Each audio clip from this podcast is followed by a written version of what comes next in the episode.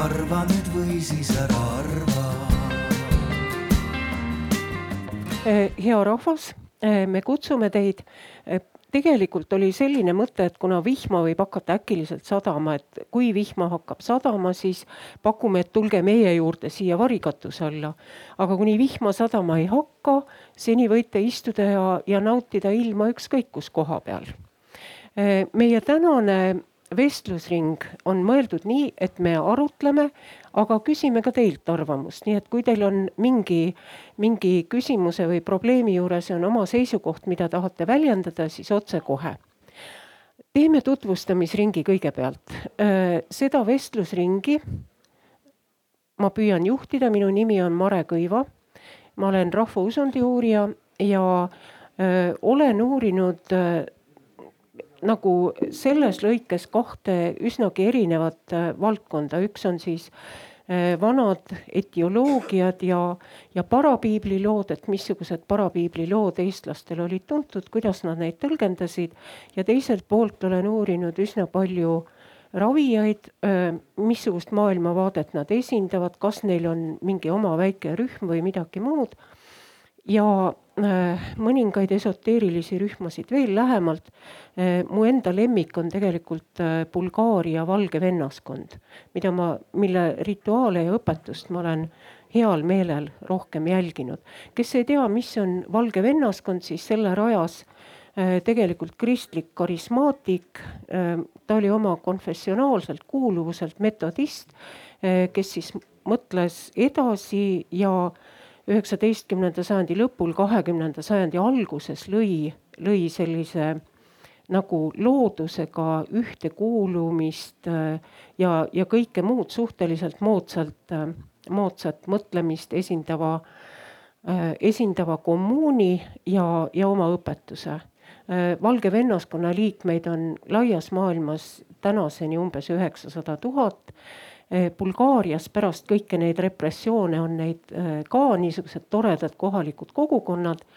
ja ühtlasi selle, selle liider oli eh, Peeter Teunov, kellel on ka oma niisugune esoteeriline liidrinimi, aga see polegi nii tähtis.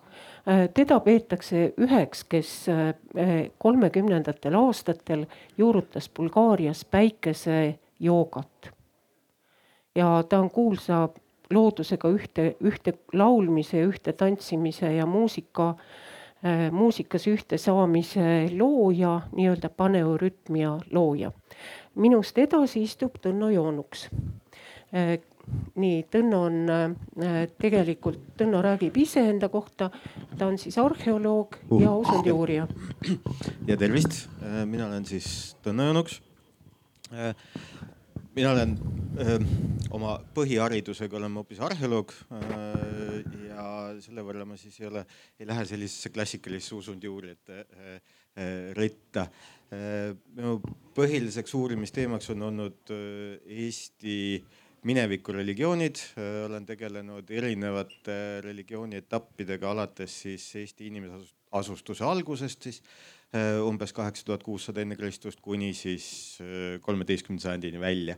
ehk siis äh, ma olen vaadanud just seda, kuidas Eesti usund on aja jooksul kujunenud ja arenenud natuke vähem olen tegelenud ka mõningate mm, väiksemate juhtumitega kesk- ja uusajast.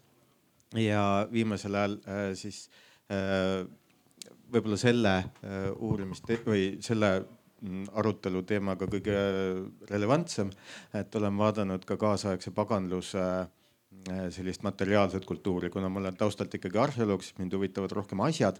Ja, ja siis me oleme vaadanud koos kolleegidega Soomest, Lätist, Valgevenest, äh, millised on need asjad, mida jäetakse kaasajal siis äh, nendesse pühadesse paikadesse ja äh, kuidas need äh, erinevad või sarnanevad erinevates maades ja mida need räägivad meile nende inimeste kohta, kes seal nagu kaasajal siis käivad. ma arvan, et see on hästi lühidalt minu kohta kõik.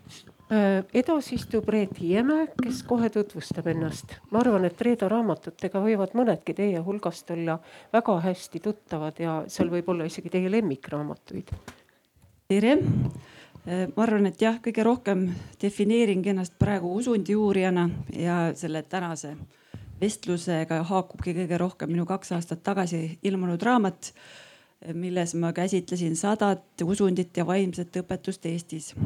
ja seal raamatus ma panen selle ka natuke sellesse konteksti, et kuidas see sobib kokku väitega, et Eesti on maailma kõige vähem religioosne riik aga oma pika elu jooksul olen näiteks tegelenud ka vägivalla ja kriisiohvrite aitamisega ja et seal on ka sihuke üks oluline mõõde, et kui inimene on väga suures kriisis, siis võib tema usundilisus väga kiiresti muutuda, et sellest võib-olla tuleb meil juttu ka, et millises olukorras see usundilisus niimoodi voolama hakkab. jah, tänan. edasi Martin Vällik, kes on äh, füüsik ja, ja tegelikult äh, ma arvan, et äh, paljud, kes Facebookis ja kuskil mujal otsivad ilusaid astrofotosid, siis neile on äh, Martini leheküljed ja fotod kindlasti ette sattunud. tere, Martin Vällik ja füüsik, tõepoolest õpetan ka koolis füüsikat. ja miks ma siin vestlusringis olen, see on pigem vast sellepärast, et aastakümne jooksul olen ma siis vedanud sellist äh, internetipesa nimega skeptik.ee, mis äh, mõned aastad tagasi oli aktiivsem, tänapäeval natukene vähem aktiivsem keskkond, kus siis inimesed, kes ka ühiskonda jälgivad, võib-olla natukene oma vaatepunktist, mitte küll päris teadusliku uurimise vaatepunktist, vaid ütleme sellisest vaatepunktist, et kuidas oma kuidas selles hulluses äh, tervet mõistust säilitada, võiks mõnikord sellist äh, teesi nagu püstitada. sest äh, aeg-ajalt inimesed, kes siis oma elu elavad, puutuvad kokku teiste inimestega, kes elavad samuti oma elu. aga nende elu põhimõtted tunduvad noh, mulle või siis meile väga-väga veidrad, imelikud ja need uskumused, mida nad praktiseerivad või, või, või ka väljendavad tunduvad väga veidrad, et mitte öelda lausa hullumeelsed mõnikord.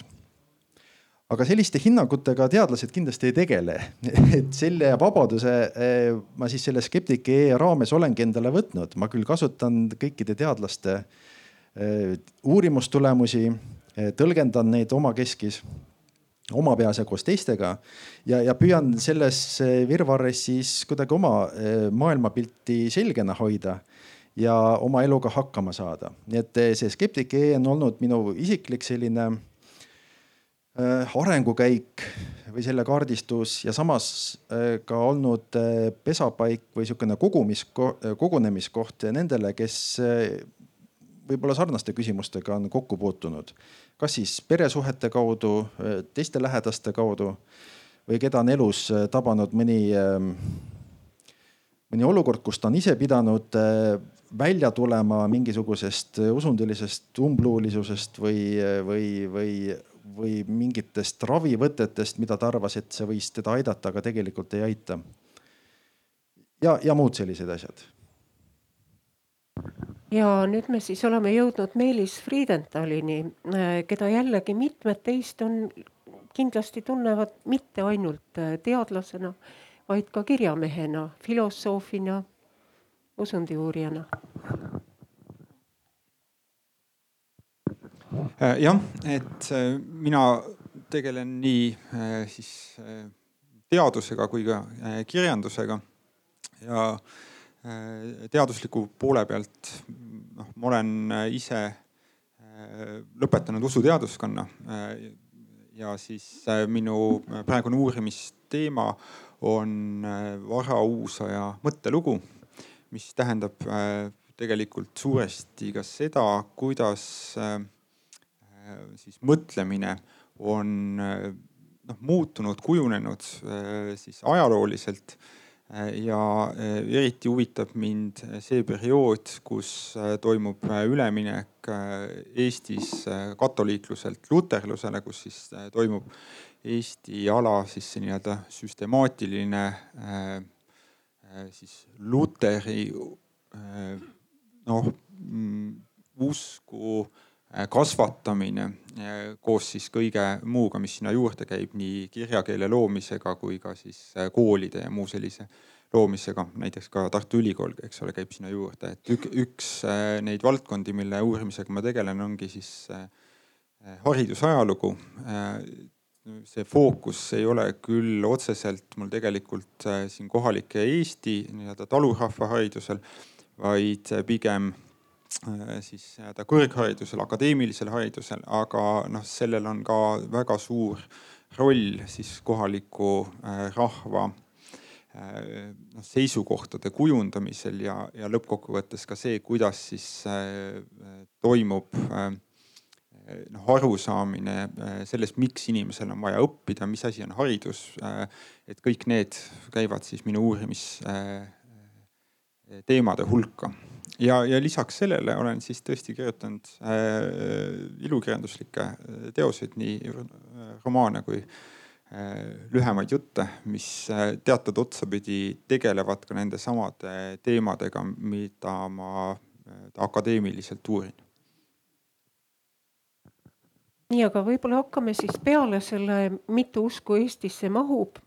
kui me omavahel kokku saime esimest korda, siis äh, me selle küsimuse iseendale ka esitasime. ja ma hea meelega tahaks küsida teie käest, et äh, mis te arvate, kui mitu usku mahub? seal on mikrofon, ma peaks selle viskama teile, aga äkki saab kuidagi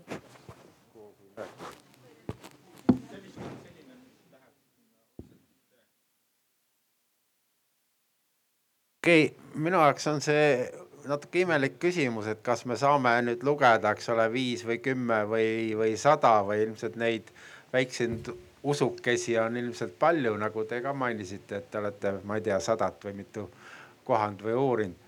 aga kas äkki ei peaks võib-olla küsima hoopis sedamoodi, et millised usud nagu sobivad meile Eestisse üldse, millised lähevad nagu meie kultuuriga kokku ja millised on meile võõrad ja võib-olla ka isegi agressiivsed ja kriminaalsed? no see on väga huvitav aspekt, seda me tegelikult äh, tegelikult ise esile ei toonudki.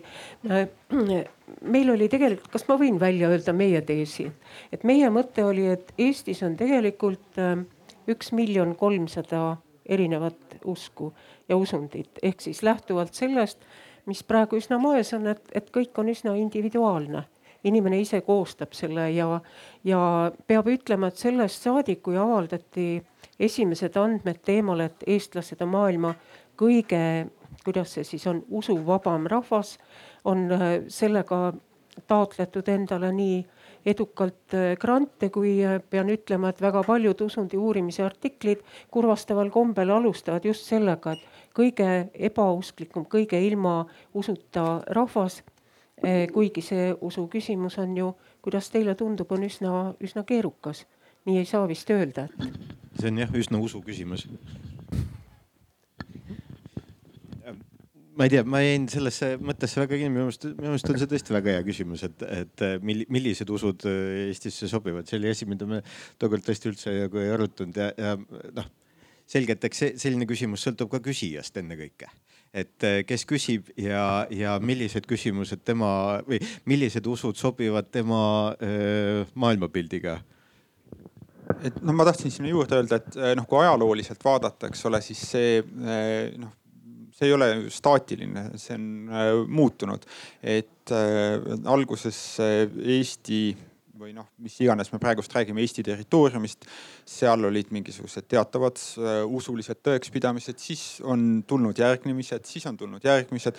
Ja noh, nüüd on nagu keeruline öelda, et noh, et, et mis hetkel äh, need enam ei sobi või mis hetkel nad sobivad, et uh, noh, see ajalooline muutus on noh, teatavas mõttes paratamatu. Ja noh, sobib tähendab seda on ju noh, et, et mis on nagu juurdunud mingit pidi ja, aga noh, juurdumisprotsess ei toimu äh, hetkega, eks ole, nagu puugagi, et noh, paned selle äh, tammetõrgu sinna sisse ja siis mõnikord läheb kasvama ja mõnikord ei lähe. ja siis lõpuks kasvab suureks ja, ja siis ta nagu justkui sobib. Aga et, et nagu otsustada kohe ennem ära, et kas see siis nüüd juurdub või mitte, et, et see on nagu keeruline. et, et selles mõttes, et noh, minu hinnangul just nagu ajalooliselt vaadates, et ei, ei saa päris hästi seda küsimust nagu selliselt esitada, et kas mõned sobivad rohkem või mõned sobivad vähem, vaid et noh, on see, et, et, et, et mis, mis siis nagu äh, Äh, juurdub, milliseks ta siin kasvab ja äh, et äh, siis vaadata seda, mis siin on noh, lõpuks nii-öelda teoks saanud, vaadata nagu viljade järgi, et puud tuntakse viljast. Siia ma paratamatult pean selle individuaalsuse momendi jälle tooma, et mis sobib kellele, et ei saa homogeense massina võtta seda Eesti rahvast. et kui juba nii kaugele minevikku vaadata, kui üldse vaadata annab, et siis oli ju neid, kes seda toodud kristlust omakorda siis seda ristimisvett teiste allikavetega maha pesid. ja samas meie loitsudesse vaikselt tulid olemasolevate olendite kõrvale püha Pikne, tulid ka Jeesus, Maarja ja paistsid seal nagu päris hästi kodunevat. et siin ei saa seda ühte sihukest ühe puuga vastust anda võib-olla, et see küsimus on üldse selles mõttes üsna keeruline. ma võin täiesti eksida, aga, aga e-, esimesed, ma saan aru, et te tahate meiega vaielda, kohe saate. selles mõttes, et äh, tegelikult äh, me kuulusime väga pikka aega, alates äh, Põhjasõjast kindlasti Vene impeeriumisse ja Vene impeeriumi poliitika juba ammu enne seda päris seda poliitikat seitsmeteistkümnendal sajandil hakkasid ju põgenema eh, usureformi tõttu vanausulised Eestisse. ja me isegi ei saa arutada, kas nad sobisid meile või ei sobinud meile sel põhjusel, et see oli väga suletud kogukond ja kui nad puutusid, kui neil tuli näiteks külla luterlane ehk eestlane või keegi muu või tuli näiteks polüvertsik. polüvertsiks ehk pooleusuline tähendas nende jaoks tegelikult õigeusklikku, kes siis järgis seda reformijärgset niisugust kirikut, et äh, me isegi ei saa selle üle arutada. vanausulised lõid need toidunõud, millest nad pakkusid külalislahkelt toitu, lõid need lihtsalt puruks pärast söömist jah, et äh, pärast kostitamist, sest need olid rüvetatud. me ei saa midagi öelda ka islami kohta, sest need tulid jällegi, äh, Vene impeerium tegelikult lükkas väga mitmel korral ka, äh, ka mitmed islamiusulised tatarlased näiteks. Need lükati liikuma või kui vaadata praeguse, praeguseid mitmeid väikeriike, siis ka nendest üks osa jõudis siia meie riik võib suhtuda neisse väga halvasti, aga väga tõde on see, et Abhaasiast näiteks eestlased kolisid ju sealt minema lükatud oma, oma usuga sealt minema lükatud äh, islamiusuliste kohtadele. me ei küsinud kordagi, kas, kas, mis nemad arvavad ja, aga ega me ei teinud endale islamist ka mingit probleemi.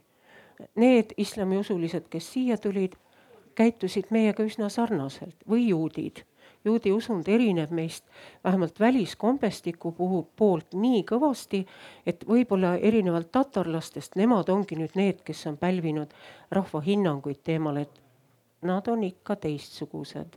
Ja sinna juba tikub liituma ka see, et ja Jeesuse nad ka nagunii lõid risti ja tegid igasuguseid muid õudseid tegusid, et selles mõttes ongi või, või see, kui kui ikkagi olud läksid natuke vabamaks ja Eestisse tulid kõigepealt vennaste kogudus, mille kõiki tegusid me ei saa heaks kiita, aga tänu kelle rahastusele, püüdmisele meil on täis piibel, eks ju. samas nad tegid ka päris hulle tempe või, või kõik need äh, üsna karismaatilised, algselt karismaatilised kirikud, kõik need adventistid, baptistid. kas nad sobis, kas nad sobivad Eesti kultuuri, on alati küsimus või nelipühilased, kes on mitmel pool keelatud. et äh, no on, eks ole, neid äh, usurühmi, eks ole, kes elavad oma elu, eks ole, nad kedagi ei sega, kedagi ei häiri ja nende vastu ei ole absoluutselt mitte midagi, eks ole, noh iga, igal inimesel on ka teatud oma kombestik, mida ta kodus, eks ole, harrastab, eks ole, kas hommikul võimleb või kummardab või mida ta teeb, eks ole.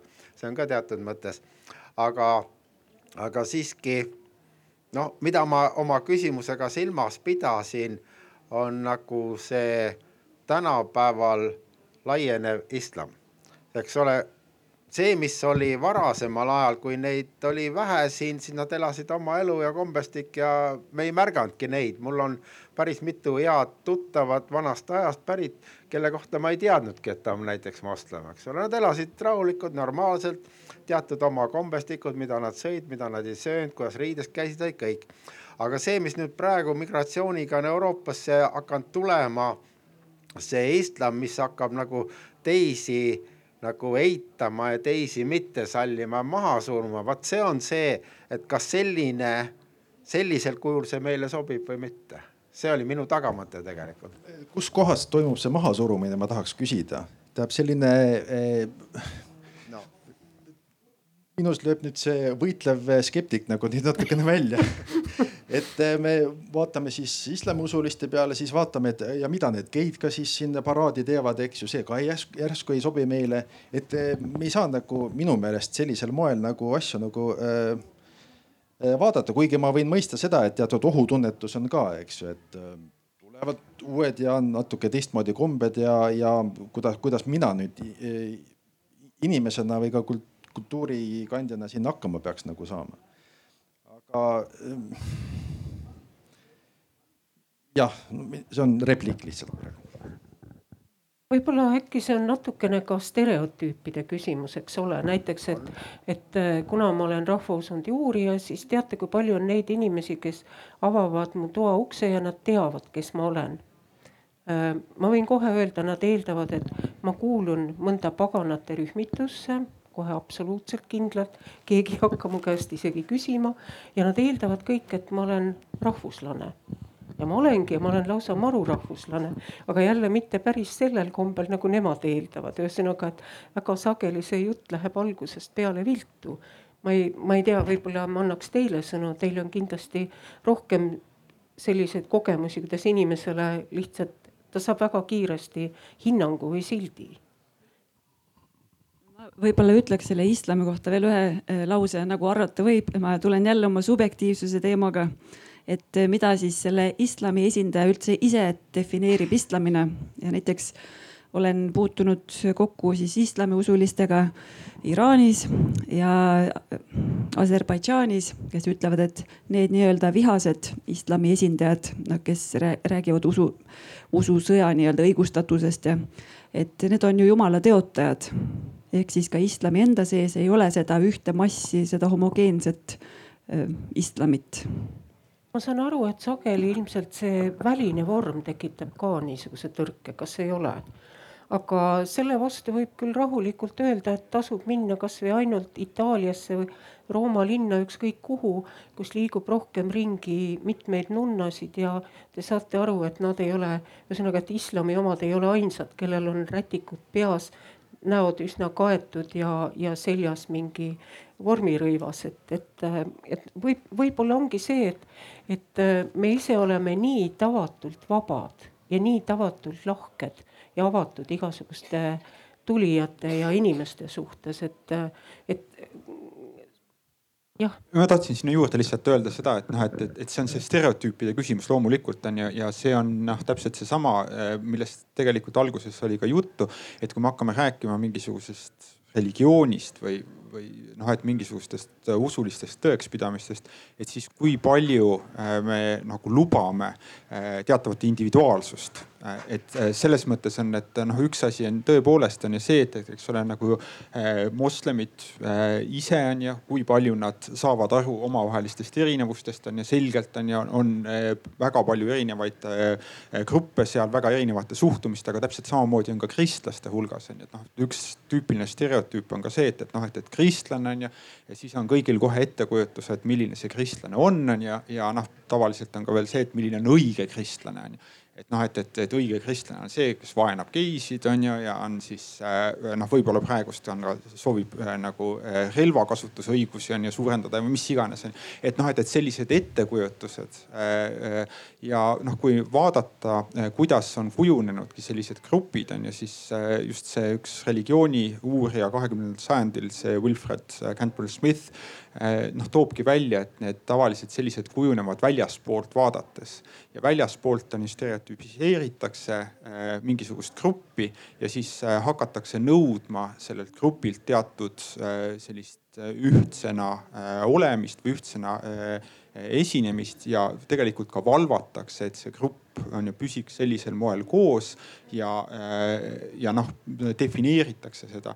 ja tihtipeale on see, et, et alles tagantjärgi on hakanud need grupid siis vastavalt sellele nii-öelda välis äh, välisele definitsioonile või väljastpoolt antud äh, sellisele hinnangule ka siis ennast ise mõtestama ja kuidagi enda äh, juures seda piiri tõmbama.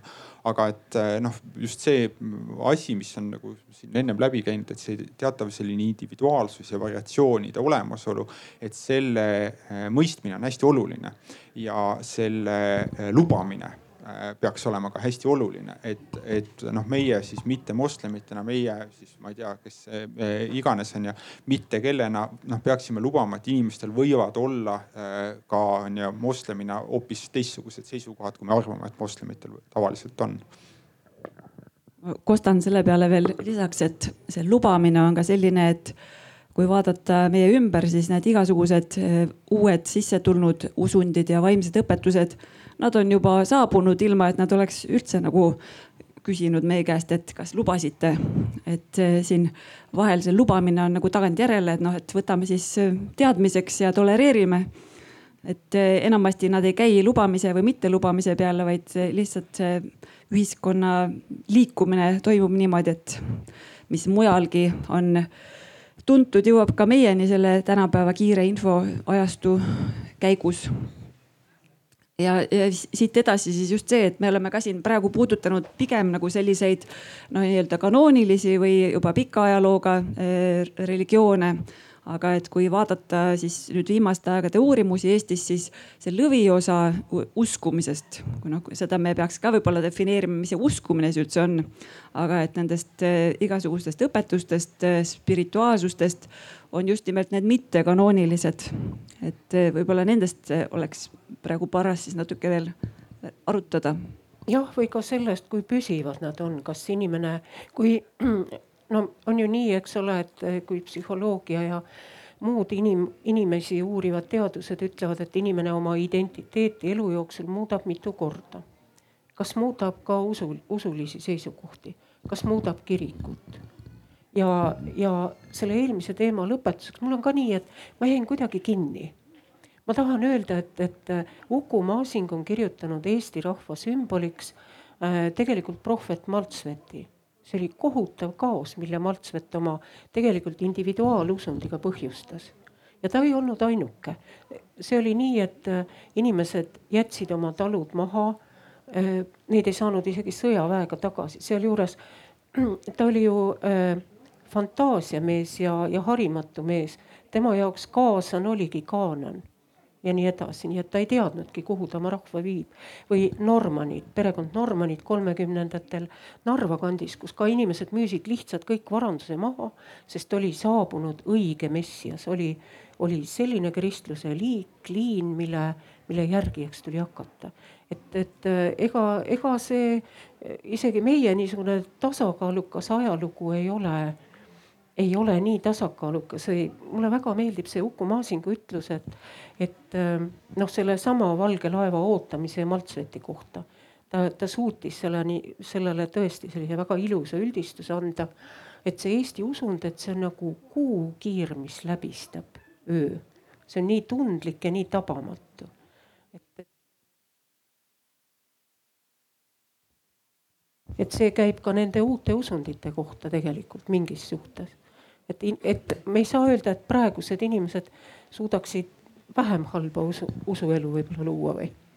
jah, seda kindlasti. Äh, ma tahtsin selle uute usundite jutu edasi viia hoopis selle peale, et, et äh, üks asi, mis neid uusi usundeid ja vaimseid õpetusi minu meelest nagu hästi iseloomustab, on, on äh, selliste ametlike institutsioonide vähesus või, või nende selline vä oluliselt väiksem roll kui kanoonilistel kas siis kirikutel või, või religioonidel.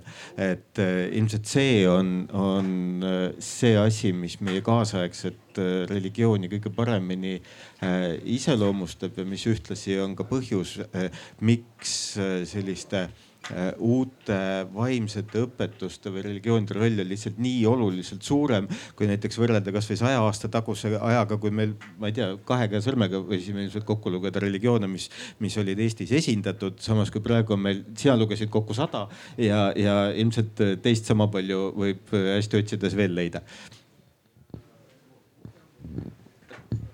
Ütlesin kõik, kõik, kõik ära või ei, minu jaoks on alati intrigeeriv see küsimus, ma usun, et te kas nõustute või vaidlete kohe vastu, eks ole, et, et inimesed on teel. Ja kahtlemata see meie noh, tolerants ja vabadus põhjustab selle, et inimene on mitte ainult teel, vaid ta on, eks ole, ta on täna jooga, saate aru, homme on ta võib-olla täiesti kristliku kiriku rüppe läinud, ta on leidnud, et oh sa, mu vanemad olid õigeusklikud, järelikult mina ka ma tahtsingi siia juurde öelda, et see on üks teema, mida me tegelikult ennem ka arutasime, et kus on siis need religiooni piirid, et millest me saame või, või uskumise või usundi äh, piirid on ju, sellepärast et need, me kasutame neid sõnu, aga noh, tegelikult väga selge ei ole alati, mille äh, kohta me seda äh, siis kasutame. et kas on tõepoolest oluline, et sellel oleks mingi institutsionaalne noh taust olemas või kui ei ole seal institutsionaalset tausta, et siis mis hetkel hakkab noh, kasvõi ma ei tea jalgpalli selline fännlus äh, omandama religiooni mõõtmeid või, või mis eeskätt see on marksism juba käsitletav religioosse äh, liikumisena. et siis tulevad need küsimused on ju ja, ja, ja kui me äh, noh, mingisugusel hetkel tekib selline tunne, et peaks ju kuhugi piiri tõmbama. et kui kõike käsitleda religioonina on ju, siis see enam äh, ei seleta justkui midagi on ju. aga et noh, et, et see, see küsimus on tegelikult, mis on minu arvates väga huvitav ja võib-olla jah et üks selline kõige läbivamaid asju üldse usu defineerimisel või religiooni defineerimisel olnud uskumine. aga et isegi see ei ole selline noh, ei saa võtta loomuldasa, et see on niimoodi olemas uskumise puhul. ei saa uskumist pidada enesestmõistetavaks et selle puhul ma tõin selle näite, et näiteks kui inimesel on mingi väga noh hirmutav või selline pöördeline üleloomulik kogemus, et näiteks noh kohtab tulnukat või siis tuleb öösel painaja peale. et see ja inimene üldjuhul see väga aldis on siis kasutada mingisugust usundilist käitumist. et kasvõi meie isa palve, üks kõige levinumaid sellises olukorras, et sa ei tarvitse olla aktiivselt üldse usklik ja mitte kunagi seda kasutanud.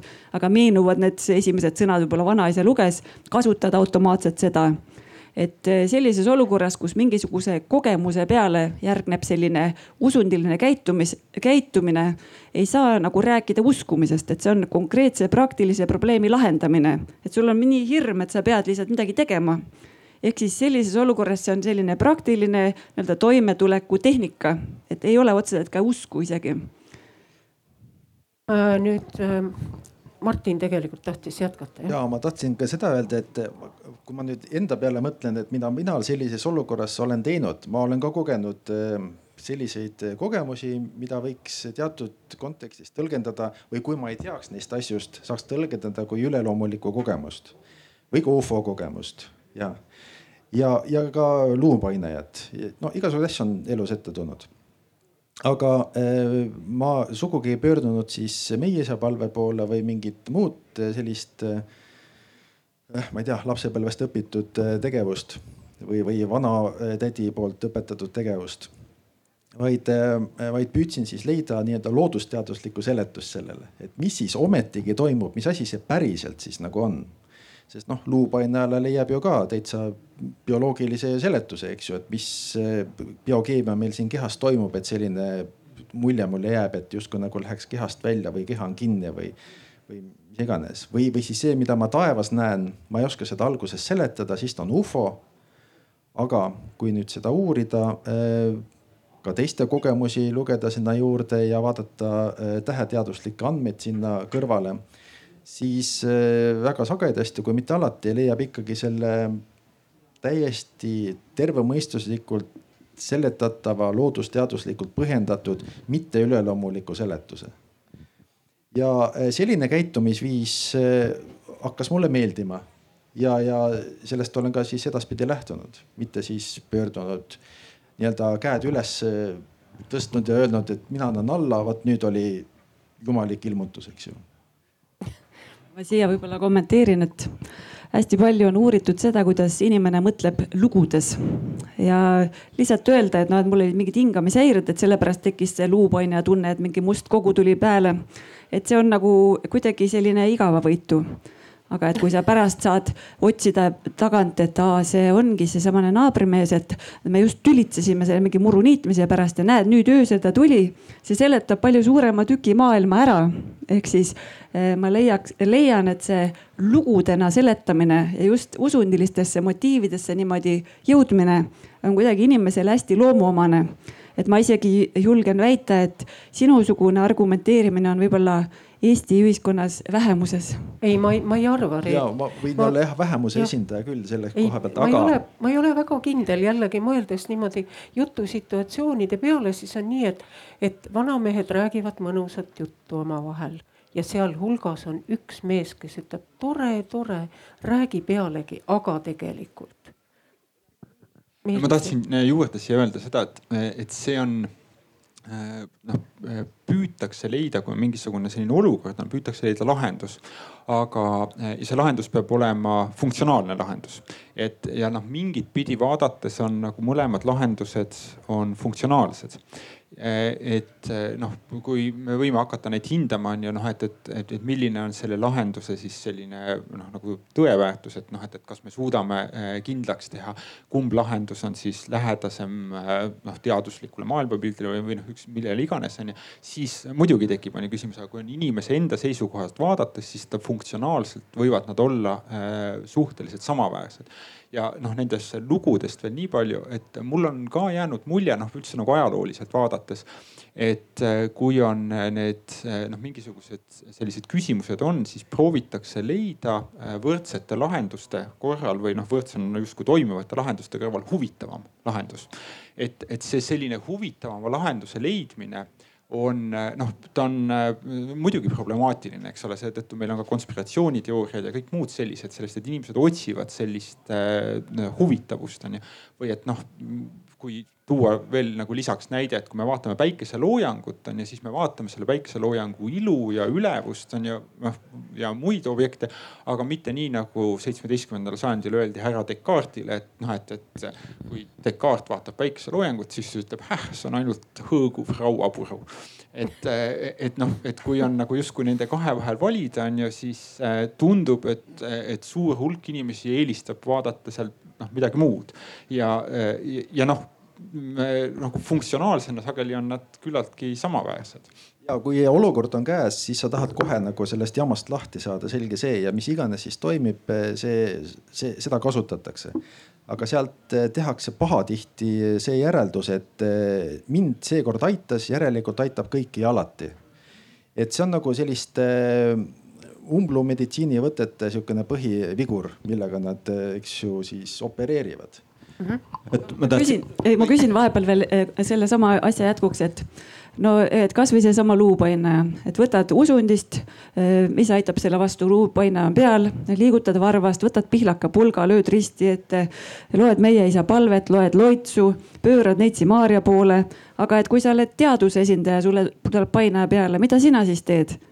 no väikese varba liigutamine on täiesti adekvaatne tegevus jah aga neitsi Maarjad ja muud eh, tegelased võib-olla mitte nii, mitte nii jah no., see väike, väike varvas õiges asendis peaks jalakrambi ära võtma küll. aga, aga ärge tehke, ärge tehke nalja, sellel on veel üks huvitav aspekt, sellest me tegelikult eile natuke rääkisime, see on see, eks ole, et äh, põhjus, miks sa luupainaja saad, on sageli moraalne või eetiline eksitus. ja mis mind nende samade võtete juures on väga rabanud, on see, et äh, teaduslikult on selle taga, eks ole, uneapnoe, eks ju katsu praegu teha selgeks, et ma lähen ja vabandan naabri ees või näiteks selle neiu ees, kellele, kelle peiu kohta ma ütlesin halvasti või, või, või peiu läheb, vabandab neiu ees, keda ta naiseks ei võtnud ja uneapnead ei ole enam. ja painajad ka enam ei ole. et seda teadus ei luba mitte kuidagi ähm aga, aga toimib, eks ju. ma lihtsalt äh, noh, sellise, selle teema jätkuks, eks ole, et see on nagu küsimus üldse sellest platseebo äh, toimest on ju ja ma olin siin mõni, mõni aasta tagasi Rootsis, kus äh, oli suur uurimusprojekt on ju, seda viisid läbi meedikud äh,. ja äh, seal oli küsimus just, et äh, kui suurt rolli mängib äh, platsepo äh, siis noh, tavalisel nii-öelda äh, siis selles meditsiinis. Ja äh, nad viisid läbi küsitluse, küsisid arste ja äh, see on üle viiekümne protsendi juhtudest äh, efektist saab kirjutada äh, suuremal või vähemal määral platsepo arvele. et see on tohutult suur moment ja eriti hästi toimib see siis, kui on tegemist nii-öelda räpase platseboga. see tähendab seda, et kui toimub, kui on kõrvalnähud olemas, et kui on noh, inimene võtab rohtu, see on kibe, mõru, tal on pärast seda paha olla, siis on tõen-, suur tõenäosus, et see platsebo efekt on selle juures tugevam et äh, selline, äh, see moment on, eks ole, kõik see, mis äh, on noh, sellise usundulise käitumise juures üks noh, väga oluline. see noh, eriti kui on need sellised hädad, millel on vaja kiiret lahendust on noh, et, et, et, et seda kindlasti ei saa seal noh nagu, nagu kõrvale jätta selle justkui öeldakse nagu teaduslikku mõõdet on ju selle käitumise juures. oota, nüüd ma tahaks küll edasi viia seda juttu juba, see, me tiirleme nii kaua, kaua juba selle ühe asja juures. Ehm, üks märksõna või üks termin, mille, mida tavaliselt kasutatakse ka religioonide eh, defineerimisel. ehkki religiooni enamasti küll vastandatakse, on ratsionaalsus ehk siis kui ratsionaalne on mingi käitumine ja, ja eh, kui ratsionaalne see käitumine tundub meie jaoks, aga ratsionaalsus on täpselt sama hästi selline väga relatiivne ja suhteline mõiste. ja asi, mis on äh, ratsionaalne meie kaasaegse hariduse ja teaduse jaoks äh,, võib olla väga ebaratsionaalne või tunduda väga ebaratsionaalne inimese jaoks, kes ei ole sellist haridust saanud. see kuulus näide, eks ju, nende Aafrika, mis nad olid, sanded või kelle, kelle juurest on siis teada see lugu, et, et olid mingid inimesed majas maja kukkus kokku, inimesed said surma. ja siis on äh, kaks erinevat äh, selgitust. üks on siis äh, selline teaduslik eurooplase maailmavaade, mis ütleb, et termiidid närisid postid läbi, maja läkski nõrgaks ja kukkus kokku ja inimesed said surma. teine on kohalik sandede vaade, et jah, termiidid närisid need majapostid läbi küll, aga miks just need inimesed olid sel hetkel seal majas? ehk siis seal taga on mingi hoopis suurem ja seesama, see laiem pilt, eh, mis annab selle ratsionaalsuse, et miks uskuda pigem sellisesse maagilisse ja, ja üleloomulikku protsessi, et miks just need inimesed said selles majas eh, surma. et eh, ma jah tooks, tooks selle ratsionaalsuse mõiste ka siia juurde, et kui me juba teaduslikkusest ja kõigest sellest räägime no ma lisaks siia, et siin lisandub siis see ratsionaalne maagia et eh, tihtilugu, kui vaadata kasvõi meie enda usundist neid kirjeldusi, et mida sa pead tegema, kui keegi sind on kurja silmaga vaadanud või, või eh, midagi sellist, et eh, siis see, see vahend on iseendast omas loogikas täiesti ratsionaalne, aga ta on lihtsalt sellisesse maagiasse rüütatud, võib-olla noh nagu sõnavara poolest ja ka siis selle no mingite kolmarvu poolest või et kolm korda pead tegema mingit asja. et need nagu kuidagi ühituvad või et näiteks esimese asjana mul praegu tuli pähe, et, et kui selle kurja silma peale või kaetamise peale, et esimene valik on, et lihtsalt sülitad kas inimesele järele või, või lihtsalt maha, et et siis sellel on oma psühholoogia, et sa lihtsalt vabaned sellest halvast niimoodi selle konkreetselt füüsiliselt endast väljutamise teel. Ja... või, või alternatiiv on, et, et sa tegelikult oma hingejõuga katad teise jõu.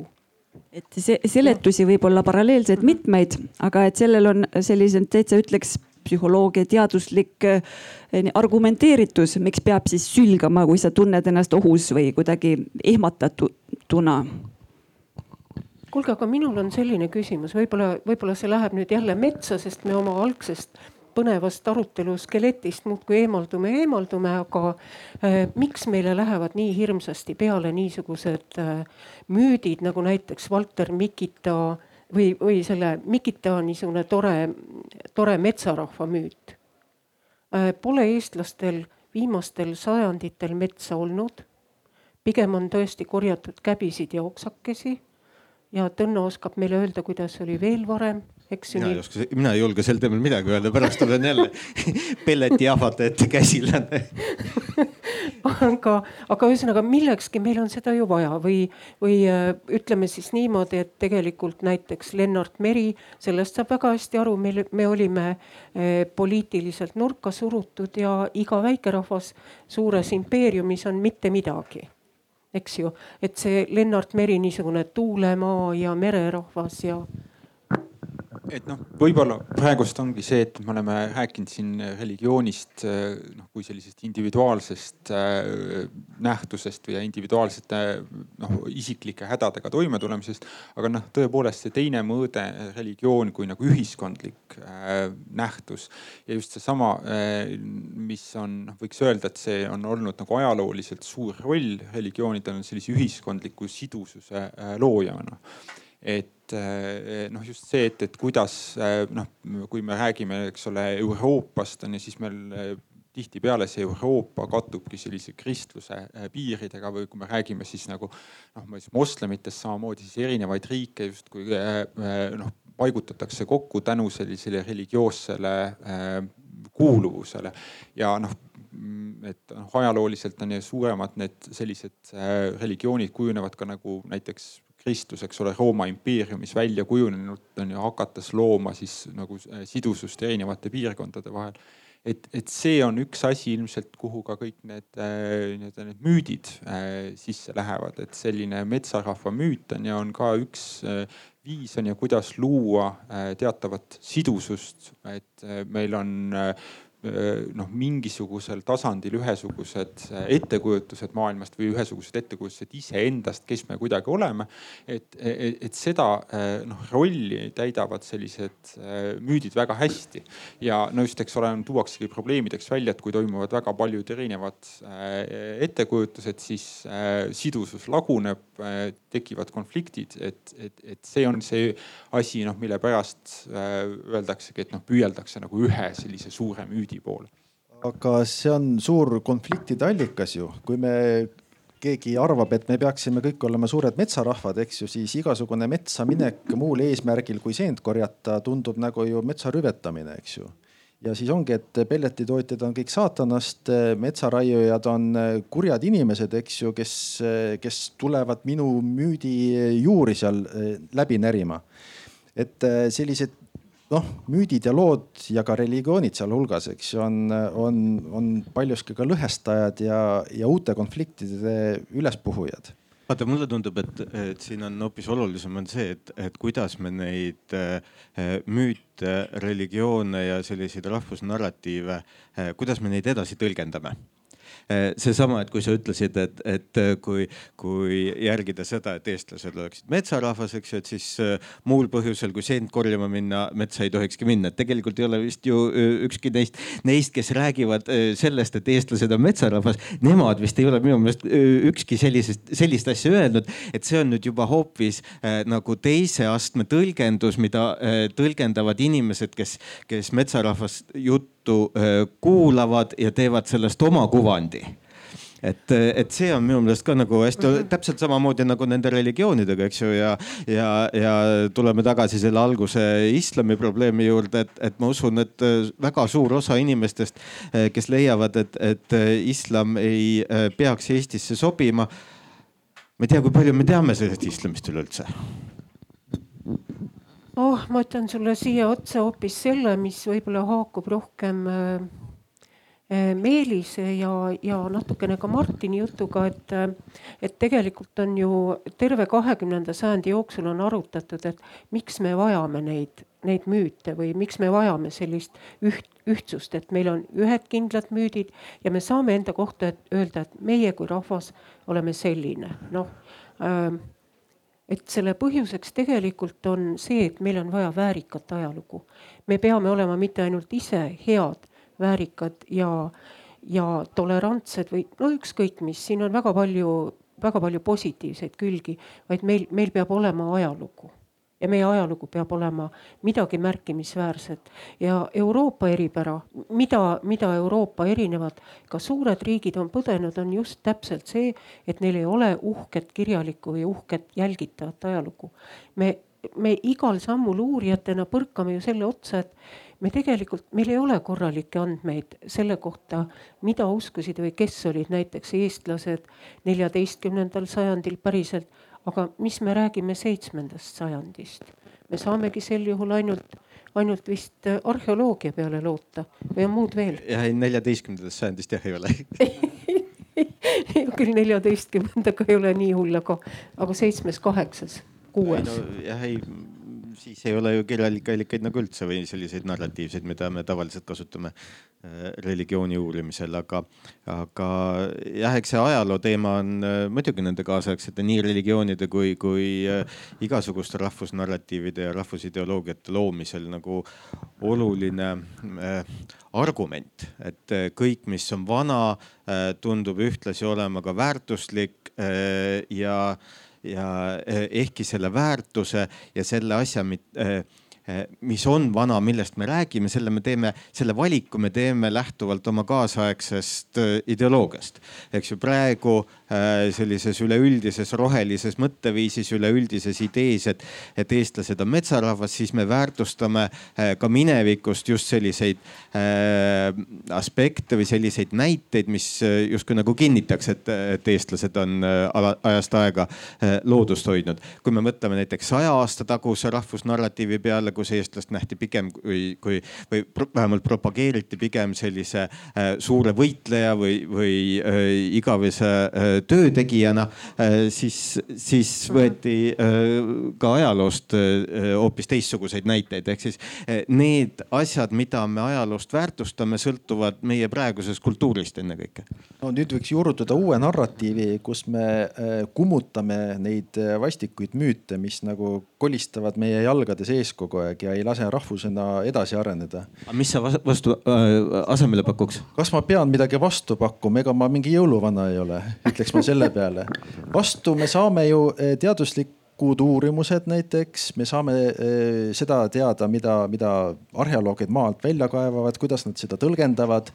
me saame geneetikute andmeid selle kohta, kuidas rahvastiku koosseis siin muutunud, millised alleelid on rännanud ja millal tulnud ja see kõik on väga põnev ju ja minu meelest seda narratiivi võiks ja see on muutlik, muutuv ju vastavalt sellele, mis andmeid me juurde saame, nii et. Äh, see tähendaks siis, et teadlane sekkub ja teadlane aitab konstrueerida narratiivi, eks ju? ei, mitte ta ei anda, see ei, seda need... ülesannet ei saa anda, teadlane uurib ju seda, mida ta tahab, eks ju, me ei saa talle anda ülesannet, et kuule, sina teadlane, tee nüüd meile üks äge lugu. ma küsin veel siin sihukese kiusliku küsimuse, et et kui eh, noh, tõesti oleks selline maailm, et mis siis saab nendest kiuslikest inimestest, kes neid igasuguseid müüte nii-öelda agressiooni õigustuseks kasutavad. et kui need neilt kõik ära võtta, mis nad siis teevad? leiavad teaduses selle vankri, mille taha oma agressiooni rakendada. ja paraku mõned on seda tõepoolest eh, leidnud, et eh, ka teadust kasutatakse selleks, et või ütleme, teaduslikke, teaduslikuna näivaid argumente või esitatakse argumente, mis justkui nagu peaksid teadusest tulenema, et eh, teisi inimesi kiusata, eks ju. ega Hitleri Saksamaa ju teistmoodi ei teinud. kasutati darwinismi ju selleks, et eh, noh, oleme ju tugevad ja järelikult peamegi siin teiste peal nagu oma jõudu näitama, et no siin on vist äh, küsimus äh, teaduse populariseerimises, et see on selge, et on olemas teaduslikud seisukohad. noh, me näeme seda praegust näiteks kasvõi sellest samast vaktsiini teemal, et, äh, et seal on olemas mingisugused seisukohad. seal ei pruugi igal pool täielikku ühtsust olla, kuidas kommunikeerida seda inimestele niimoodi, et saadaks sellest nagu normaalselt aru ja äh, tekiks äh, noh noh, mingisugune ettekujutus seal on noh ja, ja siin on praegust on ju nagu me näeme, on ju, meil on äh, sellega tegelikult sellise teadusliku kommunikatsiooniga äh,. see on väga keeruline, sellepärast et seal on vaja esitada lugu, aga inimesed korjavad ikkagi välja sealt mingisugused oma äh, eelistused, oma ettekujutused, esitavad oma lood äh,, mis tunduvad palju veenvavad mingit pidi neile ja selle tagajärjeks ongi noh, see olukord, milles me siin paratamatult praegust oleme. kas see ei või olla ka valjuhäälsed ja äh, ekspressiivsed eestkõnelejad? no ega teaduses ju neid ka puudu ei tule kuigi teadlased oma sõnastustes on kindlasti palju ettevaatlikumad, eks ju, kui minusugused harrastusteadlased, skeptikud, kes väga julgelt võivad mõnikord öelda asju, mida teadlane ilmselt ei saaks öelda, aga ma arvan, et minusuguseid on vaja teinekord sellises äh, vastandolukorras, nagu mõnikord meil juhtub, eks ju, kus need äh, mitteteaduslikud narratiivid üritavad äh, meie käitumist mõjutada sugugi mitte siis heas suunas, vaid kuhugi halvemas suunas, et.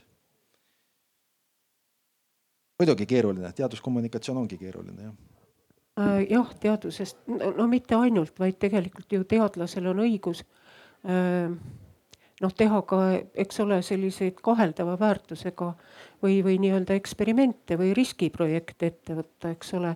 ja riskieksperimendi tulemus võib olla null, aga see võib olla ka näiline. ma räägin teile ühe niisuguse see on nüüd jälle niisugune narratiivne jutt, mille võiks ju ilusasti üldistada, aga olgu siis pealegi narratiiv. võtsin lahti keskkonnauurimustele pühendatud horisondi ja seal kirjutatakse või refereeritakse suure innuga, et et Rootsi teadlasrühm on valinud välja kümme või palju neid katsealuseid oli, kõik olid noored mehed ja neid hoiti üks öö magamatuna. Ja tulemuseks oli, et Rootsi teadlased järeldasid, et see võrdub kõva peapõrutusega, aga et organism hakkab sellel ajal tootma igasuguseid asendusaineid. Äh, sealhulgas oli kaltsium, aga ka midagi peenemat. Ja, ja mind hakkas hirmsasti huvitama see, et miks teadlane valis äh, katserühma kümme noort meest, miks mitte kümmet noort naist. Ja mida me siis ütleksime noort, noore isa, noore ema kohta, neil on permanentne peapõrutus, eks ju. noh, et kas, kas teadlane seda küsimust ei esitanud või tal oli nii kitsas projekt, eks ju. ja nüüd siit tulevad otsekohe, algavad ju müüdid. no mina ise tegin enda arvates päris kasuliku järelduse sellest toredast Horisondi loost. minu jaoks on kogu aeg olnud huvitav see, et rahvasuu ütleb nii, et äh, äsja lapse sünnitanud naine ja ka tema abikaasa on on vaimselt ja loominguliselt intelligentsemad ja nad suudavad nagu topelttööd teha. et äkki seesama permanentne peapõrutus ja need asendusained, et see annabki ajutiselt mingisuguse sellise, see on nüüd täielik niisugune noh, kuidas ma ütlen, rahvasuu teooria parim näide mu meelest et, et, et kindlasti teaduses ja teadlaste tegevuses on, on palju sellist, mis lähtub hetkest jah. no mul on lihtsalt selle katsegrupi leidmisega on tavaliselt on see vähemalt nii palju, kui mina olen kuulnud, siis milline grupp on kõige lihtsamini kättesaadav. see on sageli on see eh, niimoodi, et, et tõepoolest noh tekib mingi küsimus, hakatakse seda uurima ja esimene uuring tehakse selle grupiga, kes on lihtsamini kättesaadav, et kui sealt tulevad tulemused, mis on huvitavad, siis loomulikult hakatakse seda gruppi laiendama, hakatakse eh, noh vaatama teisi gruppe, kontrollgruppe, aga eh, sageli see algus on noh niimoodi, et see on lihtsalt nagu katsetamiseks. et selles mõttes on alati tihtipeale sellisest esimesest pilootuuringust ei saa nagu liiga äh, nagu laialiulatuvaid järeldusi teha, et ja ei, ei siis nende äh, uurijate enda eelistuste suhtes või, või et, või et miks selline grupp on äkki äh, sinna alla noh uurimise alla võetud kas siit on siis järeldus, et, et iga teadustulemust ei tasu kohe populariseerida? või, või veel midagi. Seega ka teaduse puhul säilib see lugu, on see mingi selektsioon, mille puhul see lugu siis koostatakse, millest saab pressiteade või siis uurimuse tutvustus. nii, nüüd mul on tegelikult üks selline küsimus, ma muidugi loodaks, et teie esitate ka küsimusi juurde, et, et mind huvitas, ma käisin nimelt ülikoolis nõukogude ajal ja mul oli selline distsipliin nagu ateism, mida ma õppisin seal see oli väga huvitav, õppejõud lahendas selle nii, et tegelikult me tegelesime nii-öelda piibli, piibli, piibliga tutvumise ja, ja nii-öelda piiblialade rahvastiku liikumise ja muude huvitavate asjadega. et see oli väga kasulik distsipliin tegelikult. aga ainet ennast põlati kohe in, intuitiivselt aga nüüd see ateism siiski nagu väga paljud muud nähtused, see ei alga ju, ei alanud ju ometigi kahekümnendal sajandil, vaid seal on vanad juured. ja mida siis märgistakse niisugune minu meelest nagu räige hinnang eestlaste kohta, et eh, midagi nad ei usu, nad on ateistid, nagu sageli võrdsustatakse. no ma alustan siin selles mõttes, et ma ise olen ei, ma olen äh, tegelenud ateismi uurimisega, et äh, ja me andsime isegi välja sellise kogumiku nagu religiooni ja ateismi ajaloost Eestis, mis järgneb, järgib seda nõukogude ajal välja antud kogumike traditsiooni. et noh, tõepoolest ateism on olnud väga erinevalt mõistetud, see sõna, eks ole, on juba kasutuses Vanas-Kreekas ja selle tähendused on äh, noh olnud mitmekesised.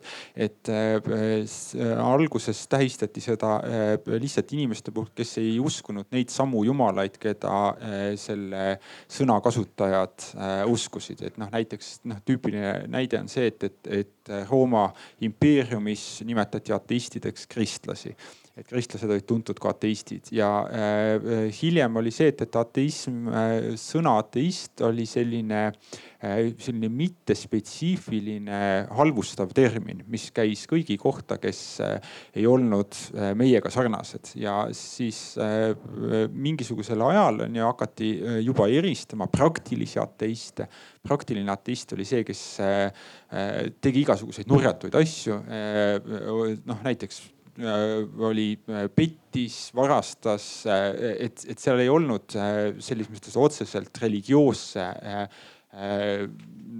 noh sellise iseloomuga eksimusi ei pruukinud seal üldsegi olla. ja, ja siis kuskil seitsmeteistkümnenda sajandi lõpus, kaheksateistkümnenda sajandi alguses tekivad teoreetilised ateistid, kes on siis need, kes toovad filosoofilisi argumente siis selleks, et Äh, hakkavad äh, kas siis kritiseerima piiblit, äh, jumala olemasolu või veel muid selliseid küsimusi. aga et noh, selles mõttes ka on see, et, et, et, et, et noh, sellest ongi võib-olla parem rääkida ateismidest, mitte ateismist on ju ja noh, nagu ateismi uurijad on ka välja toonud, siis me võime väga rahulikult rääkida sellisest asjast nagu kristlikust ateismist ja, ja äh, siis äh, islami ateismist ja noh, erinevatest ateismidest, sellepärast et tavaliselt ateismil on siis mingisugune selline kontekstis noh, sellele religioonile vastanduv iseloom. Et Äh, et see noh, ta on äh, nagu kohaspetsiifiline või see tuntud anekdoot, siis ma lõpetan selle teema rääkimise, on see, et, et kui on, et see oli äh, lugu siis Põhja-Iirimaalt ja siis, et ajakirjanik tuleb kõrtsi ja tahab intervjuud teha. ja siis see, kellega ta räägib, küsib, et aga, aga kas sa ise oled katoliiklane või protestant? ei, ma olen ateist aga kas katoliiklik või protestantlik ateist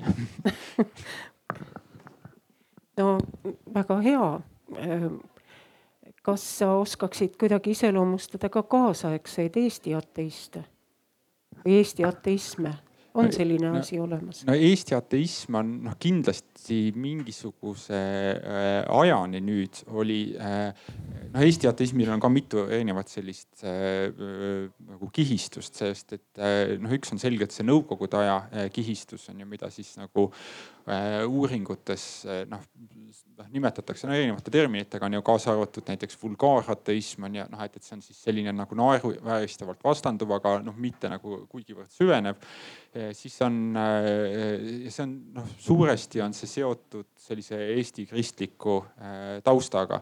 aga et noh, uuem Eesti ateism on seotud pigem sellise äh, angloameerika maailmast nagu imporditud ateismiga, mis siis huvitaval kombel mitte ei vastandu niivõrd Eesti kohalikule olukorrale, vaid vastandub äh, siis sellele kristlusele äh, või kristlikule siis fundamentalismile, mis on äh, Ameerikas. see jõuab juba paroodia religioonide teemani just, just ei muidugi selles mõttes on, et, et eh, noh, need religioonidiskussioonid, noh, mis on eh, noh, praegusel ajal tihtipeale on eh, just eriti nagu ateismi küsimustes, nad suhestuvad religioosse taustaga, mis ei ole kohalik, vaid mis on noh, kujutatakse ette, selles on nagu mingisugune fantastiline pilt on ju, milline see religioon on ja selle juured on suuresti noh tavaliselt on USA-s on ju, et noh, et, et vastandutakse selle USA religioonile. aga sellist, kuna kohalikest oludest teatakse tegelikult suhteliselt vähe või noh, peaaegu mm -hmm. ei olda üldse kohalike kristlastega siis ka kokku puutunud ma tahtsin just küsida, et kas seal ei ole üks põhjus ka see, et, et ateism on algusest peale Äh, vastandunud just sellisele religioossele institutsioonile. alustades juba Prantsuse revolutsioonipäevist, kui, kui vastuseis oli, ma mõtlesin ka näiteks selle nõukogude aegse ateismi kohta Eestis, mis äh, peaaegu et alati tegeleb äh, kiriku institutsiooniga, isegi mitte nii väga kristliku dok-, doktriinide ja kristliku õpetusega ja eh, naljakal kombel on eh, enamik muid religioone, eh, muuhulgas ka Eesti rahvausund, on jäänud ju näiteks ateismi diskursusest täiesti välja. sugugi mitte, mingit pidi on Eesti rahvausund rakendati väga hästi ateismi vankri ette, võib nii öelda, sellepärast et anti välja ka neid selliseid Äh, väikseid kogumikke isegi, kus oli toodud välja, et Eesti äh, rahvas on kogu aeg olnud ateistlik ja siis olid rahvausundist või noh, sellisest äh, Eesti rahva kommetest võeti välja mingisuguseid momente, mis olid siis nii-öelda kirikukriitilised ja selle abil näidati, et, et Eesti rahvas on kogu aeg olnud ateistlik. tähendab, et see selline pilt on ja noh, see selline müüdiloome on ju, et, et see hakkab tegelikult nõukogude ajal tugevalt. just, aga, aga see ongi just sellise kristliku kiriku vastu, mitte näiteks rahvausund, ütleme, ma mõtlen näiteks siin nõukaajal, nõukaateism minu meelest ei puudutanud üldse neid igasuguseid pühapaiku ja kivisid ja allikaid ja. seal oli, seal nii palju kui ma. või siis seal, aga, aga suhteliselt marginaalselt. seal oli mingi väike kirik, et tegelikult kristlikesse kirikutesse suhtuti erinevalt et pigem võiks öelda see, mida me, mida me tegelikult omavahel arutasime, et et äh, suurt, suurtega on mingi diskussioon, aga väikestesse võidakse suhtuda küllalt halvasti.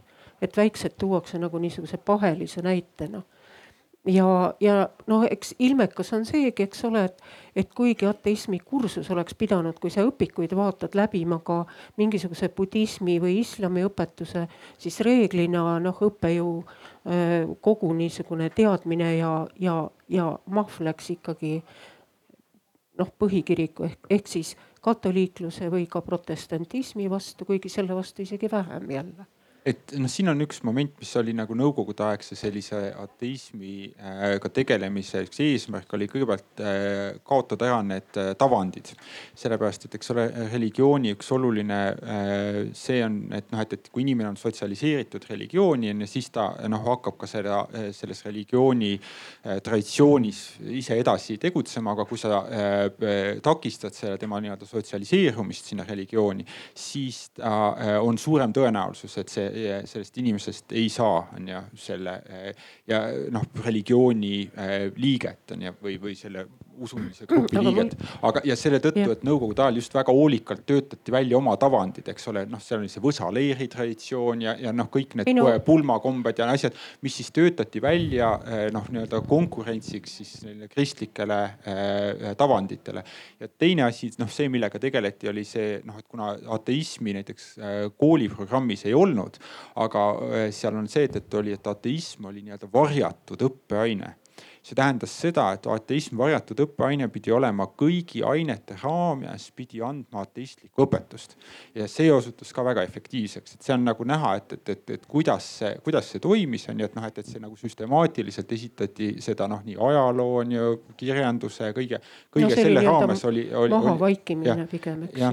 ja sellepärast, et seal tajuti mingisugusel hetkel, et kui hakata ateismi nagu eraldi õpetama, siis see tekitas väga suurt äh, teravat vastuseisu sellele. aga et kui anda seda sellise varjatud varjatud õppeainena, siis tulemused olid palju paremad. no seda küll, nüüd ma peaksin ikkagi tagasi tulema nende päris vanade religiooni klassikuteni, kes äh, on postuleerinud, et igas ühiskonnas on ja peab ütlema, et äh, inimesed on väga erineva mentaalsete ja ka tundevõimetega, et, et algusest peale igas, äh, igas ka väikeses rühmas öö, olid olemas need, kes olid religioonile altid ja olid need, kes ei võtnud mitte mingil kujul, kellele ei arenenud välja mingit jumalakujutlust ja kes nagu ei olnud võimelised nende rituaalidega kaasa minema. ma ei taha öelda, et need nüüd olid põliskeptikud, vastupidi. ja teine, mida me võib-olla siit ateismi pinnalt peaksime arutama, on seesama, mis see siis on, paganad või kui ma käin Bulgaarias, siis seal on, pilt on absoluutselt selge, kui ma, kui ma käin nende vanade megaliitide või millegi muu lähedal, siis paganate templid, need, mis on tähistatud, need on hiigelsuured. noh, nad on sisuliselt need Kreeka-Rooma templid või, või midagi, mis, mis ei ole välja ehitatud tempel, aga on noh, mingisugused varemed ja algkristlikud kirikud on, no need on pisikesed. On tilluke osa selle telgi ühest osast, eks ju. rääkimata, et ka nende kunst ja kõik muu vastavalt ei ole üldsegi nii väljakutsuv, aga nüüd läheme siis juba ka paganate juurde. Neid ei ole ju ka mitte üks, vaid on, on palju. ja paljudel rahvastel pealegi veel folkloristidest ja etnoloogidest ja muudest ei, äh, kui sellesse päris minevikku nüüd minna, siis meie sellel soojendusdiskussioonis meil tuli juba jutuks, et, et kas need noh, siis kümme tuhat aastat tagasi siin elanud inimesed olid kõik ühtemoodi paganad ma ei usu, et keegi seda üldse teab aga, aga eh, noh, arvestades, et kui me tõesti räägime näiteks inimestest, kes elasid Eestis näiteks kümme tuhat või viis tuhat või kaks tuhat aastat tagasi või mida iganes. meil on eh, selline piisav ajaline distants, me oskame neid nagu selle võrra hästi üldistada. et kindlasti need inimesed ise arvasid endast nagu midagi hoopis muud kui meie nagu praegu, aga, aga tänu sellele üht, ühed ühelt poolt ajalisele distantsile ja tänu sellele, et nemad ei saa meile vastu vaielda, eh, me saame neile omistada mingisugused sellised üldistavad sildid, et nemad olid nüüd sellised, teistsugused või kolmandad. et eh, megaliidi usku aga, aga eh, kes, kes nad täpselt olid, mis nad täpselt endast ja, ja oma usust arvasid, seda, seda me lihtsalt ei, ei tea. aga no,. ometi jõudsime me loogika põhjal selleni, et väga tõenäoliselt oli neilgi see individuaalsuse komponent, nad ei olnud ühe mütsiga löödud. ja seda kindlasti ja, ja selle individuaalsuse sõna juurde võiks tuua ka selle teise väga populaarse sõna vernakulaarsus, et, et inimesed isegi kui nad jagavad mingisugust ühelaadset õpetust, nad elavad seda õpetust eh, lihtsalt detailides nii palju eri moodi, et, et mõnikord nende religioossused või äh, see religiooni väljendus ongi äh, väga erinev. aga, aga ma arvan, et võib-olla hoopis huvitavamad on just need kaasaegsed paganluse voolud, mida ei ole ka ju üks, eks ju, et see on nagu kõige rohkem vaadanud ja võrrelnud, et ma ei tea, kui palju on Eestis üldse paganluse voolusid, mida võiks kirjeldada paganlikuna ma saan aru, kui me toome jälle selle individuaalsuse ja vernakulaarsuse, et siis. see on libe tee. jah, just see on väga libe tee, aga et kui me, kui me võtame endale selle vabaduse, et me vähemalt mingil määral sildistame ja üldistame. kartes muidugi nende kõigi meelepaha toon veel selle paganaeelse ühe näite, mis mul pähe torkas. et minu sugulaskonnas on, oli üks abielupaar, kes olid kristlased, aga see meespool rääkis alati ainult patust ja põrgust, aga naispool rääkis ainult lunastusest ja inglitest. ehk siis inimesed, kes jagavad ühte voodit ja kodu, elavad väga lähestikku, arutavad sama asja üle. Nende usuline väljendus võib olla niivõrd erinev, kuigi vormiliselt kuulusid nad sellesse samasse usku aga nüüd ikkagi tuleme ikkagi korraks nende paganate juurde, mul, mul on jällegi selles mõttes on võib-olla see positsioon on lihtne, et ma tean, et äh, see Rodnoveerie variant, mis näiteks Sloveenias on väga populaarne ja kogub järjest populaarsust juurde, sest neil valik on, et kas minna tagasi, hakata rekonstrueerima antiik mingisugust usundit ja võtta antiikjumalad ja sageli seda tehaksegi. või võtta folkloristide väljaanded, mida tehakse väga valdavalt ja selle järgi panna uuesti paika kõik rituaalid, jumalused, jumalad ja kõik muu. milleks sihukest asja üldse vaja on? ma arvan, et see on ikkagi nii hingeline kui mõistuslik vajadus. siin võib olla ka seesama identiteedi küsimus ma arvaks ka, et siin on taustal on just seesama lugu või selle loo vajadus, mida annab selline vaimne liikumine paremini kui teadusliku, teaduslikkude faktide kogum, mida väga keeruline sellise ilusa ühtlase narratiivina üldse esitleda. no siin on vist see moment, et see on see kogukond, noh mingisugune noh, see on üks noh religioonide omadusi on see, et, et osaduskonnas viibimine ühised söömaajad, mis iganes, et need on äh, väga olulisel kohal. Ja inimestel on äh, seda noh, sellist osadust või sellist äh, kuuluvust väga vaja. Ja noh, see ei ole selles mõttes ainult, eks ole, nii-öelda traditsioonilistelt religioosseteks peetud gruppides, vaid noh, sedasama sellist kogukondlikku vajadust on. Ja noh, võib näha ka noh tõesti nagu jalgpallihuviliste või, või siis noh, lõpuks ka näiteks äh, need pisikesed natsigrupeeringud, need on, ka seal on täpselt see samasugused momendid. lisake siia selle hästi olulise komponendi, et enamasti selle kuuluvuse äh, üks koostisosi on vastandumine väljaspool olijatele, et äh, iga kogukonna puhul mingil määral see defineerimine põhineb meiel ja nendel, et see sellel eristusel et sellega ma just, äh, vabandust, et, et noh, mul tuli lihtsalt sellega rääkides meelde, et noh, milleks selline grupp on ja. et siis oli, ma nägin ühte filmi, kus siis tehti äh, intervjuusid äh, nendega, kes olid neonatsi äh, gruppides mingisugused noored. ja siis äh, küsiti, uuriti ka, et miks nad, kuidas nad sinna sattusid või mis asjaoludel. ja siis üks poiss seal ütles, et noh, et, et see, et äh, noh, ma noh, leidsin mingid sõbrad seal ja, või, või noh, et, et ja need parem on sellised sõbrad kui üldse mitte sõpru. Ja, ja sinna niimoodi sattuski. Ja noh, need on noh, sageli sellistel gruppidel ongi see noh, sellise samasuguse selle sellise kuuluvus, osadus küsimusele vastus olemas, mida siis noh et nad mujalt ei suuda äh, leida on ja siis selle tõttu tekivad uued religioossed liikumised, uued erinevad äh, liikumised, kus siis sedasama osadusvajadust äh, saab kas inimene. kas see ei või Meelis olla või, või te kõik, eks ole, kas see ei või olla teatud määrani ka mingisuguse ühtepidi juurte otsimine, aga teistpidi protest olemasoleva situatsiooni vastu?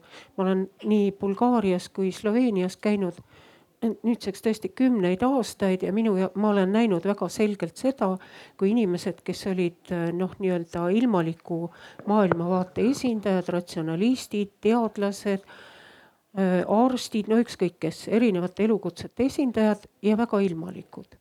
ja nüüdseks on toimunud järsk pööre.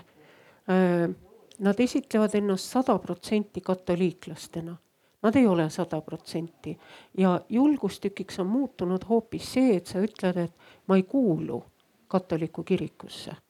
ma, minu vanemad juba ei kuulunud sinna.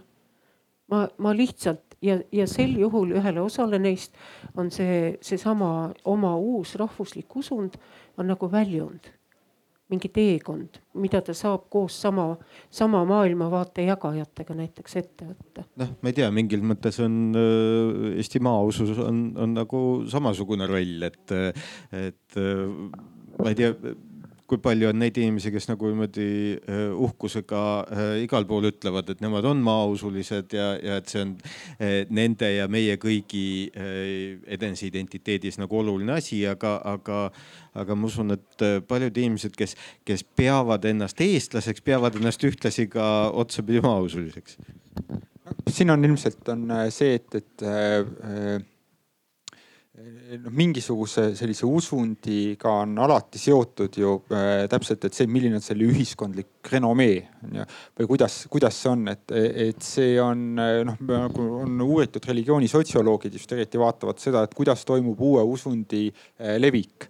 et alguses on ju mingisugune teatud selline usuline foon on ju, kuhu siis see nii-öelda uus usund siseneb on ju. ja siis mille, kuidas, kuidas see levib, on ju. ja tavaliselt on see, et noh, on ju noh toodud välja, et, et see usund on äh, keskklass või kõrgem keskklass on see, kes seda usundit kõige efektiivsemalt edasi kannab.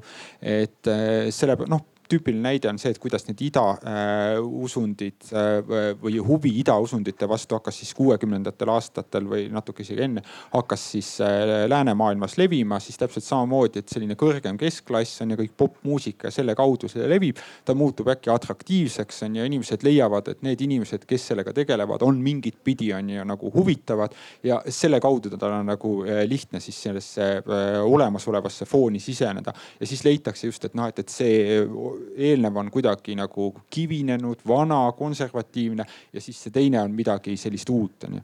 ja, ja noh, näiteks seesama, selle sama mudeli kaudu on ka kirjeldatud seda, kuidas kristlus hakkas Rooma impeeriumis levima üsna sarnasel äh, viisil on ju. ta oli täpselt samamoodi selline uus, huvitav, äh, vastandus mingisugusele sellele ja seda on vaadatud näiteks ka seda, kuidas nii-öelda radikaalne islam äh, levib, et, et, et miks on siis see ka läänes on ju noorte hulgas või, või inimeste hulgas, kellel justkui pole on ju sellist tausta, äkki tekib huvi on ju selle islami vastu jah, ma, äh, kui sa rääkisid, siis ma ka just mõtlesin selle kaasaegse islami leviku peale, et, et ma lisaks sellele radikaalsusele veel ka sõna romantiline. et äh, see on see, mis äh, muudab selle sellise radikaalse islami, millel on omad selged ideed, mille nimel võidelda ja surra. see muudabki just atraktiivseks, et selle, mitte, mitte selline kaasaegne mandunud lääne ühiskond, kus kõigil on kogu aeg lakkamatult õigus ja, ja, ja aga, aga see on see religioon, mis annab sellise sellised selged äh, juhised äh, ja see ongi asi, mis teeb tema atraktiivseks. ma arvan, et see nüüd vist hakkab meil see aeg vähehaaval juba kokku äh, tõmbuma, et ongi võib-olla küsimus siis veel küsida, et aga mis siis tulevikus saab, et kui võtta kasvõi kahekümnenda sajandi teise poole uurimusi, et siis nii mõnedki sotsioloogid kultuuriteadlased ütlesid, et igasugused usundid kaovad üldse ära, et meil on tehnoloogia, meditsiini, teaduse võidukäik ja siin ei ole neil enam kohta. ja siis nüüd on reaalsus siiski selline, et neid on rohkem kui kunagi varem, näiteks Eestimaa pinnal, sest just see info liikumine, kõige kättesaadavus, see võimaldab seda lõppematut proovimist, et mõned need vaimsed õpetused ja usundid on tõesti siuksed noh, korraks tulla ja minna, teised tulevad ja kinnistuvad et eh, aga, et üldse, kui üldistada, et siis mina näen, et pigem see paljusus eh, üha jätkub.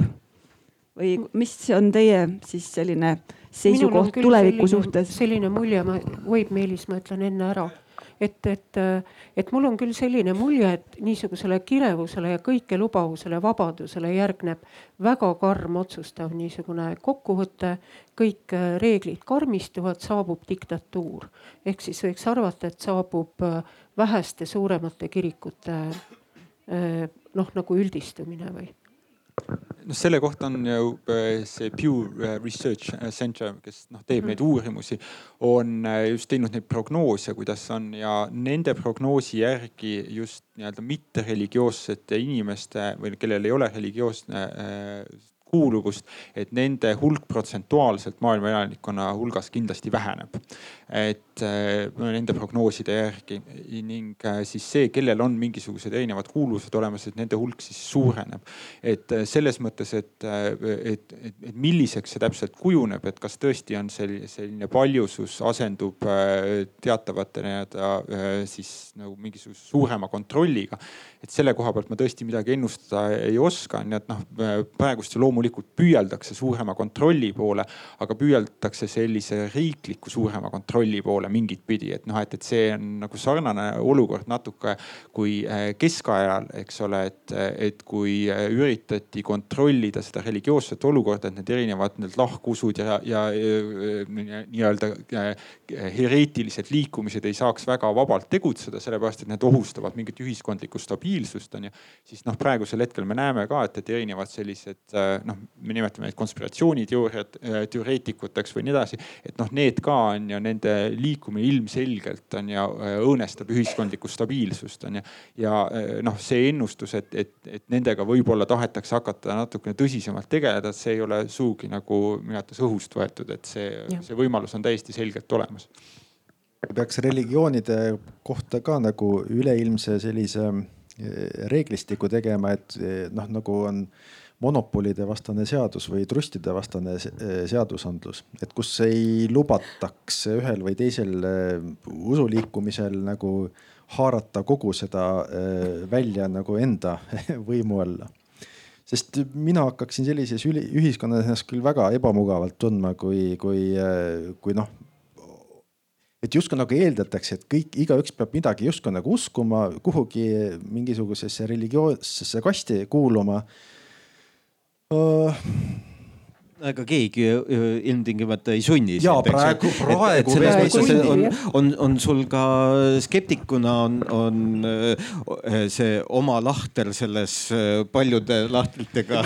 ja, aga ma lihtsalt tunnetuslikult nagu aeg-ajalt tajun nagu sellist survet, et noh, et mis inimene sa oled, kui sa midagi ei usu, et sa pead justkui nagu kuhugi kuuluma, olgu aga see kas... siis see või teine või kolmas, eks ju, aga, aga et päris ilma olla, et see nagu on natuke kahtlane. No aga äkki siis usud ikka midagigi?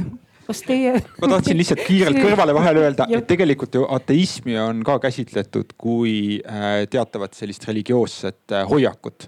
et, äh, et selles mõttes on, et noh, et, et, et, et inimesed, kes on nagu defineerivad iseennast ateistina, neil on ka selge religioosne hoiak olemas ja teatavas mõttes on nad, lähevad sellesse mustrisse sisse, et need ja on olemas ka nagu uuringutes selline omaette kategooria nagu religioosselt ükskõiksed inimesed, kes ei Äh, huvitu sellest teemast ja ei tea sellest midagi.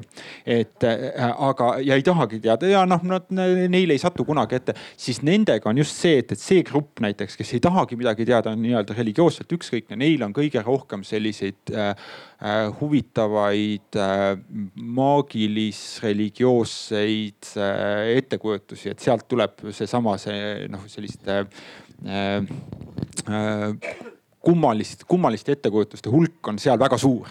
aga et inimesed, kes defineerivad ennast selge ateistina, neil on olemas selge selline positsioon religiooni või kõigi nende asjade suhtes ja, ja, ja selles mhm. mõttes, et kui sina defineerid ennast ateistina, siis sa oled väga hästi sobitud sellest, et sul on olemas see grupp. nojah, aga kirikute nõukogusse ikka ei, kohta ei pakuta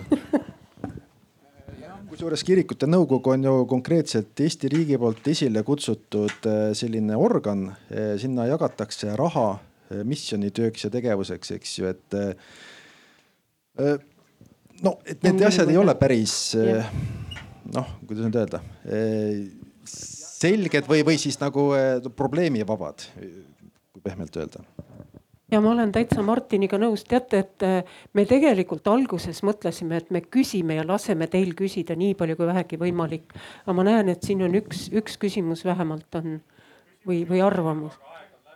jah, jah, aga vähemalt midagi. Äh, ma tahtsin öelda seda, et, et ma vist sain vastuse sealt sellele küsimusele, millega ma alustasin, et, et kas on neid, mis nagu Eestisse ei sobi et teie nagu jutust ma sain niimoodi aru, et, et kogu seda maailma peaks kuidagi nagu reguleerima hakkama, et on radikaalseid ja on ka neid ja järelikult ikkagi on ka neid, kelle suhtes me peaksime olema ettevaatlikud vähemalt. ja ma ei tea, võib-olla ka inimesi mingil määral kaitsma nende hullude vastu, kes tuleb ja ütleb, et kuule, anneta oma kogu varandus minu jumalale ja siis sa saad õndseks ja nii edasi ja täitsa tõsi, ohtudest me ei rääkinud. ja no neid, kes sinu raha tahavad ära võtta, neid on eh, igal nurgal, eh, mitte ainult religioosseid eh, tegelasi, vaid ka, vaid, vaid, vaid nad ei tule mitte jumala nimel, vaid ka näiteks lubavad sulle suured, suurt sissetulekut, õnne, paremat tervist ja igasuguste muude vahvate lubadustega. et selline üleüldine teadlikkus petuskeemide kohta ja sinna alla käivad ka religioossed siuksed võtted on, on teadlikkus selles osas võiks igal juhul paremaks minna. no sellega me äkki võimegi lõpetada, eks ole, ja